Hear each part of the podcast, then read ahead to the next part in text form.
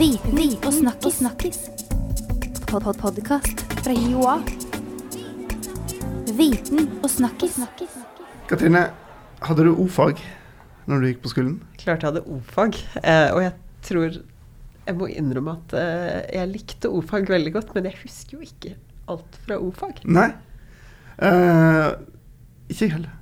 Nei. Men det var mye viktig vi hadde der, tror Ja, jeg. For det var en del sånn samfunnsfag i o-fagen, bl.a. litt om hvordan eh, stater styres og annet. eh.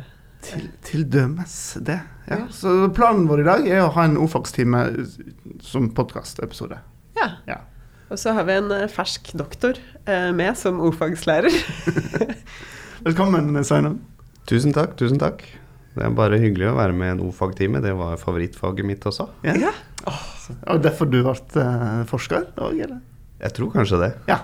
Det var liksom noe som umiddelbart eh, tiltalte meg med o-faget.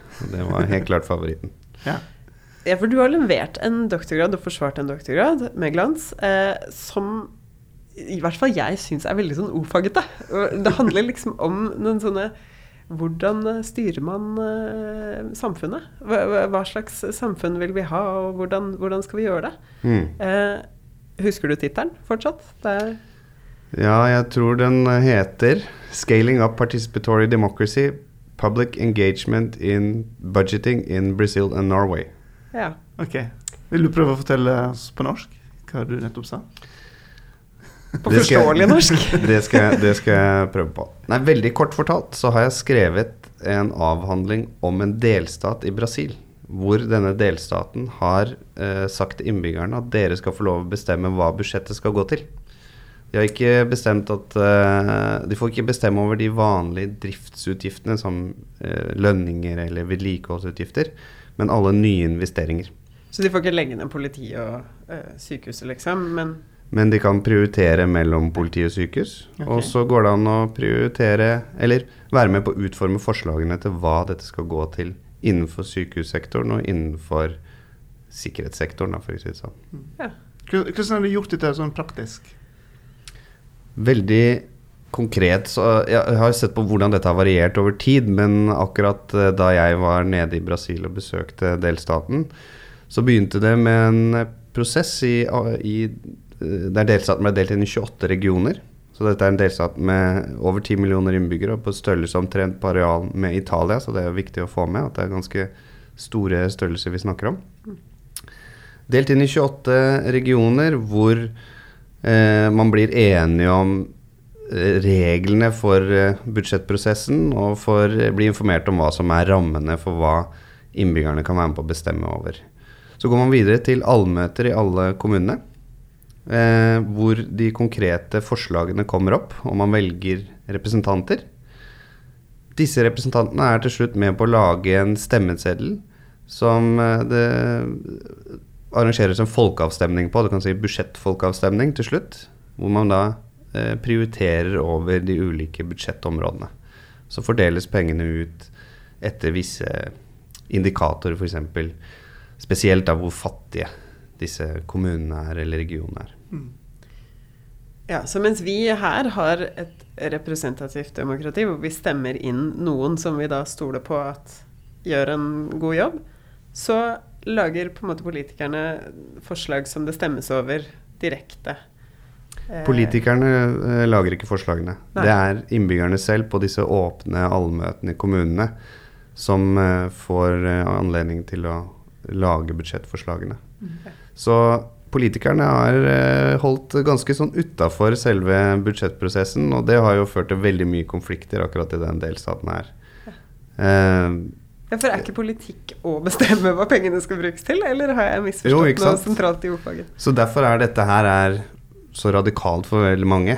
Ikke sant? Altså, det er på mange måter det viktigste du kan bestemme over som politiker, er jo hva pengene skal gå til. Hvis ikke så blir det jo veldig tomme ord, ikke sant. Eh, men eh, i Brasil så er det jo på en måte folk har et litt annet forhold til politikere, eh, mye mindre tillit til politikere enn det vi har i, i dag. I, I Norge, mener jeg. Sånn at det må på en måte forstås innenfor en, en annen kontekst. At de liksom var villige til å delegere disse pengene ut til til innbyggerne for å forhindre korrupsjon, for å få til en omfordeling av penger.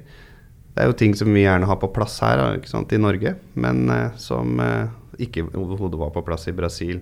Da dette her først begynte å vokse fram på eh, slutten av 80-tallet og begynnelsen av 90-tallet.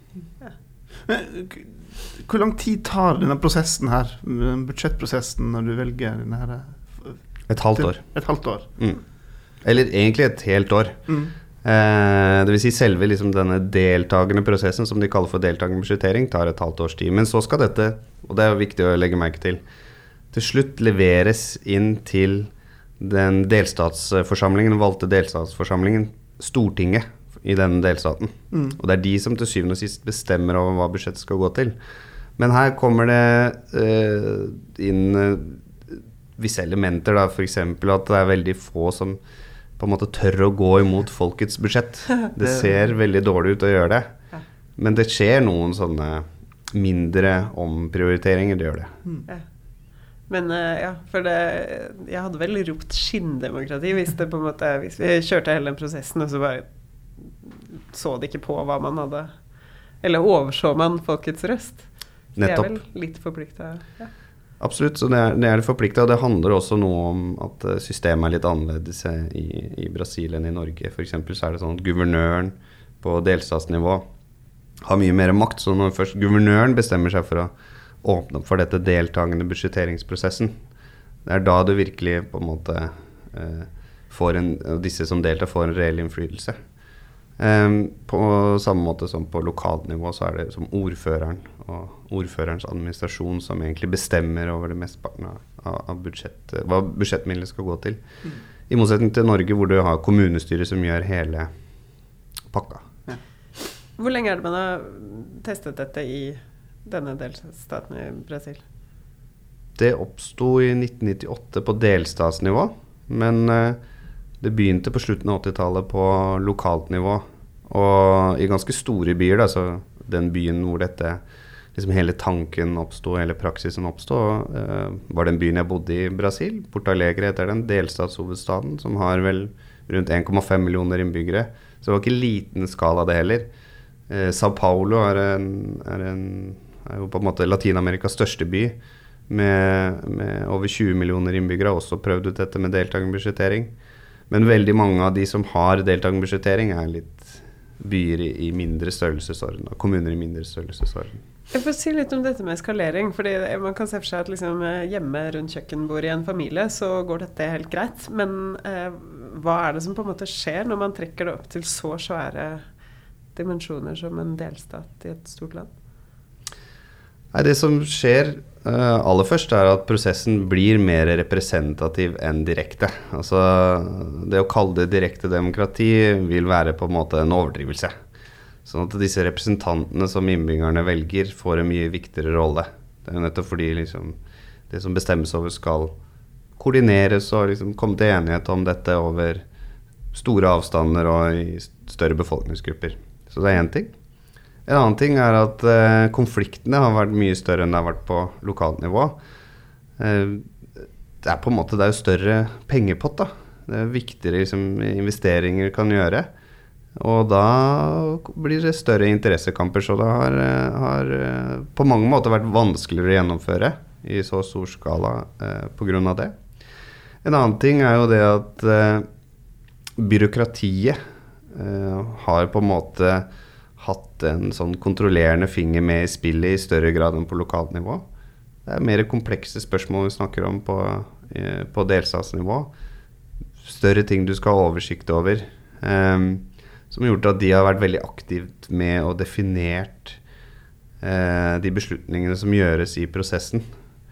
Og i tillegg så vil jeg si også at uh, nettopp at det foregår på så utrolig mange nivåer, og så store liksom, offentlig sektororganisasjoner som er involvert, som sykehus eh, Hele sykehussektoren, politiet, brannvesenet, eh, skolene, så eh, har de også begynt å organisere seg. Sånn at det er eh, Jeg har også sett på en måte perverteringer av prosessen sånn over tid, da.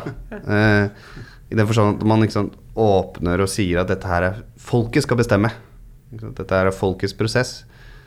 Og det fortalte de meg mens jeg intervjua de, at dette er eh, det, det er kjernen i hele systemet. Og det har kanskje vært det til tider, men akkurat da jeg gjorde intervjuene mine, og de fortalte meg det, og så gjorde jeg en spørreundersøkelse samtidig, så viser det kanskje at eh, det var bare 20 eller 30% av de som deltok aktivt, da, som eh, kan liksom defineres som folket på et eller annet vis. Ellers så var det, eh, var, liksom- det En ting som overraska meg veldig, var at jeg så disse allmøtene i kommunene, og så var det bare masse politiuniformer der. Jeg skjønte ikke hva, hva var dette her. Men eh, etter hvert som jeg nøsta i det, så viser det seg at politiet er veldig aktive da, i å eh, overbevise folk til å stemme på eh, flere politibiler, f.eks. Ja. For hvilke grupper er det som da blir aktive? Eh, Er det liksom de som har eh, vært mest interessert i o-fag? eller, eller er det på en måte de som har minst, og som ønsker seg mer? Hvem er det som blir mest engasjerte? Jeg vil si til tider så har det vært de som har hatt ikke aller minst, men har hatt eh, ganske så lite. Eh, eh, I hvert fall i begynnelsen så var det de som var mest engasjert.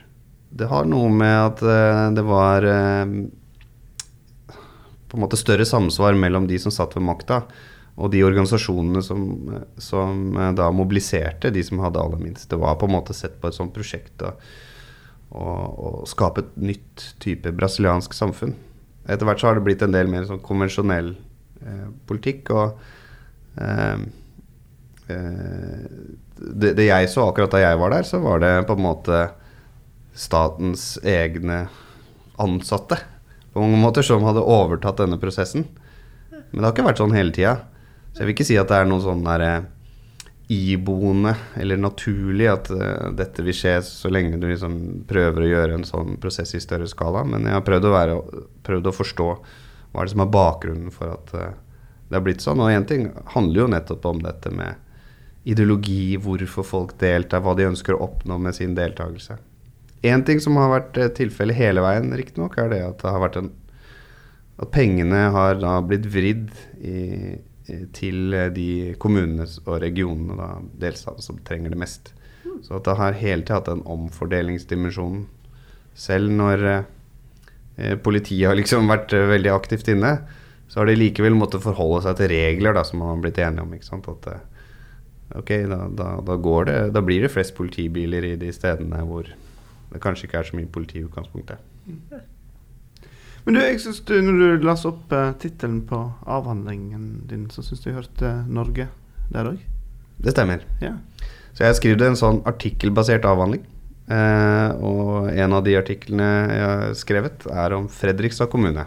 Ja. Fordi dette er den eh, eneste kommunen i Norge som da har sagt på et eller annet vis at de har innført deltakende budsjettering, eller brukt deltakende budsjettering. Og det er altså det navnet på den prosessen som jeg har sett på i Brasil. Um, og da var jeg jo interessert i å se hva, hva, hva var det de har gjort der. Uh, og uh, så kort fortalt så er det jo ganske langt unna det som oppsto i Brasil på 90-tallet. Og også ganske langt unna det jeg har sett i den delstaten jeg så på. Der har det, det har vært veldig lite penger involvert. Uh, de har ikke engang tatt, eller så vidt tatt penger fra selve kommunebudsjettet, men det har vært mye sånn prosjektpenger som har kommet utenfra, som man har fordelt. Um, og og det har, det har, jo ikke hatt den derre uh, tanken at man skal liksom delegere makt ut til befolkningen, men det er heller snakk om å forsøke å engasjere uh, ungdom, f.eks., som ikke vanligvis er engasjert i lokalpolitikken. Skatere. Eh, og sånn er det ofte dette har blitt brukt i Norden. Eh, noen bakgrunnen som er viktig å få med seg, er at dette med deltakende budsjettering har blitt en av liksom, de viktigste, nei, mest populære lokaldemokratiske reformene, kan du si, eh, i, i, på verdensbasis i, i nyere tid. Mm. Så det er jo sett noen opptellinger at det er på en måte 1500 byer eller kommuner rundt omkring i verden som har dette. New York har i dag deltakende budsjettering eller det de kaller for deltakende budsjettering. Paris har det de kaller for deltakende budsjettering. Okay. Sånn at det er et uh, veldig populært fenomen som også har kommet til Norge. Ja. Og så vidt jeg vet, så er det sånn at dagens regjering faktisk anbefaler å bruke deltakende budsjettering når man slår sammen kommuner. Som en måte da å? Når, Da forsvinner det mindre politiske enheter, og man mister en del av dette nærdemokratiet. Så en måte å erstatte det nærdemokratiet som har gått tapt. da. Eh, så det var jeg ganske overraska over at, at eh, disse har eh, Altså den høyreorienterte regjeringen vi har nå, da, har, har anbefalt det. Fordi det som regel har vært knytta til partier og organisasjoner på venstresida. Det er det.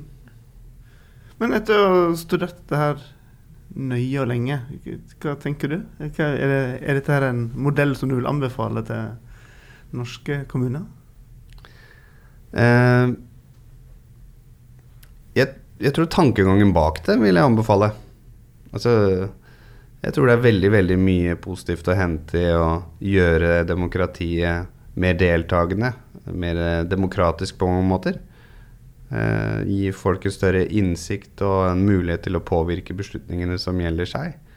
Om det akkurat skal være del, eller bør være deltakende budsjettering i Norge, er jo et annet spørsmål. Fordi som det viser sant, her, eh, det, det jeg har sett på i Fredrikstad, er jo det at reglene knytta til fordeling av budsjettmidler er såpass mye strengere i Norge eh, at det er nesten umulig å komme unna at eh, liksom, kommunestyret egentlig tar eh, hovedbeslutningen. Og på den andre side så er det også sånn at eh, det vi bestemmer over og bruker budsjettene til og investerer i i, i Norge liksom eh, åpner ikke opp for akkurat den samme type modellen eh, eh, som i Brasil. Så et, tankegangen bak, ja, men ikke selve modellen eh, passer ikke så bra. Det er jo nettopp derfor den har på en måte blitt oversatt, da. Når den har kommet inn i en, en eh, norsk eller nordisk kontekst. Som ser helt annerledes ut enn det det er i Brasil. Fordi man har forsøkt å tilpasse prinsippene, tankegangen bak, til, til eh, noe som kan fungere her. Hva, hva er liksom den store lærdommen du sitter igjen med? Hva er det, hva er det du eh, ønsker å liksom trekke frem som det viktigste du fant ut? Jeg tror det, det viktigste jeg har lyst til å trekke fram, er at det finnes mange andre muligheter for deltakelse også i stor skala enn det vi vanligvis forestiller oss. Og at dette, denne delstaten på en måte viser noen muligheter. Eh, og det syns jeg liksom, det, det høres ut som et trivielt poeng, men jeg, jeg tror det er viktig å fortelle det. Fordi liksom den antagelsen om at uh, direkte demokrati eller deltakende demokrati er kanskje en god idé, kan fungere i små lokalsamfunn med små grupper, uh, i små grupper som du sa, liksom rundt familie. uh, Vet ikke om det fungerer alltid da, eller? middags- Nei, det, det er et annet, et annet poeng. Men, men liksom rundt middagsbordet hjemme, det har liksom vært på mange måter hovedargumentasjonen for at det eneste vi kan gjøre, på sett og vis, er å velge representanter eh, hvert, hvert fjerde år. Og så da eh, eventuelt kunne velge noen nye andre hvis vi er misfornøyd sant, ved neste valg. Og i, i dag så er det Egentlig så er det ganske mye liksom, forsøk på videreutvikle demokrati, kan du si. Det er stadig flere land som innfører folkeavstemninger. Eh, det er stadig flere land som innfører noe som jeg ikke eh, ble kjent med før en som da var opponent på min disputas fortalte meg det, men muligheten til å kunne samle inn et eh, tilstrekkelig antall underskrifter til å trekke tilbake en valgt politiker før det har på en måte gått fire år. I Finland f.eks. har nå begynt å lage en del lover via det som kalles crowdsourcing. Eh, eh, som på norsk så oversettes det ofte med nettdugnad, eh, hvor du da samler inn eh, ideer og innspill og liksom skriver nye lovforslag eh, på nett. Eh, bare noen eksempler på at, at det, det, for, det forsøkes med liksom stadig nye former for deltakelse i, i ganske stor størrelsesorden. Eh, men i, liksom, innenfor demokratiteori, innenfor samfunnsvitenskapene, i O-fagsboka jeg, jeg, vil- Hvis du går tilbake til O-fagsboka, så står det nå sikkert sånn at eh, Ja, det, demokratiet begynte som direkte demokrati i Aten, men ettersom samfunnet ble større og mer komplekse, så var det ikke mulig lenger. Jeg vil ikke overraske meg om det står i, i noen O-fagsbøker i dag, men nå heter det vel ikke O-fag lenger, da. Vi er så gamle at vi ikke har fått med oss det. Men tenker du at i de bøkene som nå finnes, det burde kanskje stå en liten linje om at uh, dette trenger dere ikke ta for uh, god fisk, liksom? Gå ut og se om det fins måter å forbedre systemet på. Er det, er det litt det du liksom tenker at dette er eksempler på at det går an å teste, da? Vi må utvide horisonten og forestillingsevnen vår for hva, hva, hva demokratiet kan være. Og jeg tror hvis, eh, hvis vi ønsker at demokratiet skal være det vi tror eller håper at det skal være, altså at det er vi som er befolkning, eller borgerne, som, som egentlig skal på en måte sitte og bestemme om hva over politikken, eh, så må vi utvide den forestillingsevnen. Eller utvide forestillingene eh, våre. Og det er egentlig Ja, det er det jeg har prøvd på bitte litt i min avhandling. Og så er det et bidrag til det mange andre holder på med òg. Ja. Du har bidratt til det i lydsformer nå. Det var helt nytt for meg. Ja, jeg, jeg får lyst til å skrive til ordfagsbokredaktøren og be om å få inn en liten fotnote om at liksom Folkens, ikke ta dette for uh, gitt. Det kan, eh, det kan forbedres, det kan endres, det kan eksperimenteres med. Mm. Spennende. Er det sånn at eh, direkte budsjettering altså Skaper det større engasjement og mer kunnskap? Altså Blir folk mer interessert i å finne ut akkurat hvordan ting funker? For det opplever vel mange organisasjoner i Norge f.eks. At liksom det er vanskelig å få opp engasjementet og interessen for en del av disse politiske spørsmålene Mm. i befolkningen. Fordi vi sitter et stykke unna disse prosessene og har ikke liksom det direkte innsynet. Skjer det noe når man, eh, når man gir makta litt mer sånn rett i hendene på folk? Blir de, tar de ansvar? Ja, det er mange eh, eksempler på det. Altså både i liten skala og i større skala, det vil jeg si. At det skaper en helt annen type I, I Brasil så kan det være som enkelt som bare innsikt i, i hva er det som skjer på, på delstatsnivå. Altså at, eh, hva, hva er det denne politikken går ut på? Og, oi, det finnes et budsjett. Eh, det, finnes, eh, det er forskjell på driftsbudsjett og investeringsbudsjett. Altså det, mye av det ja, i, i Brasil eh, i, i, brasiliansk sammenheng som på en måte handler om, om så enkle ting også. eh, fordi utdanningsnivået er utrolig mye lavere, da. Eh, og i, i, i mange andre steder, som i New York eller Paris, så ser du absolutt at det som bidrar til et sånn økt eh, politisk engasjement.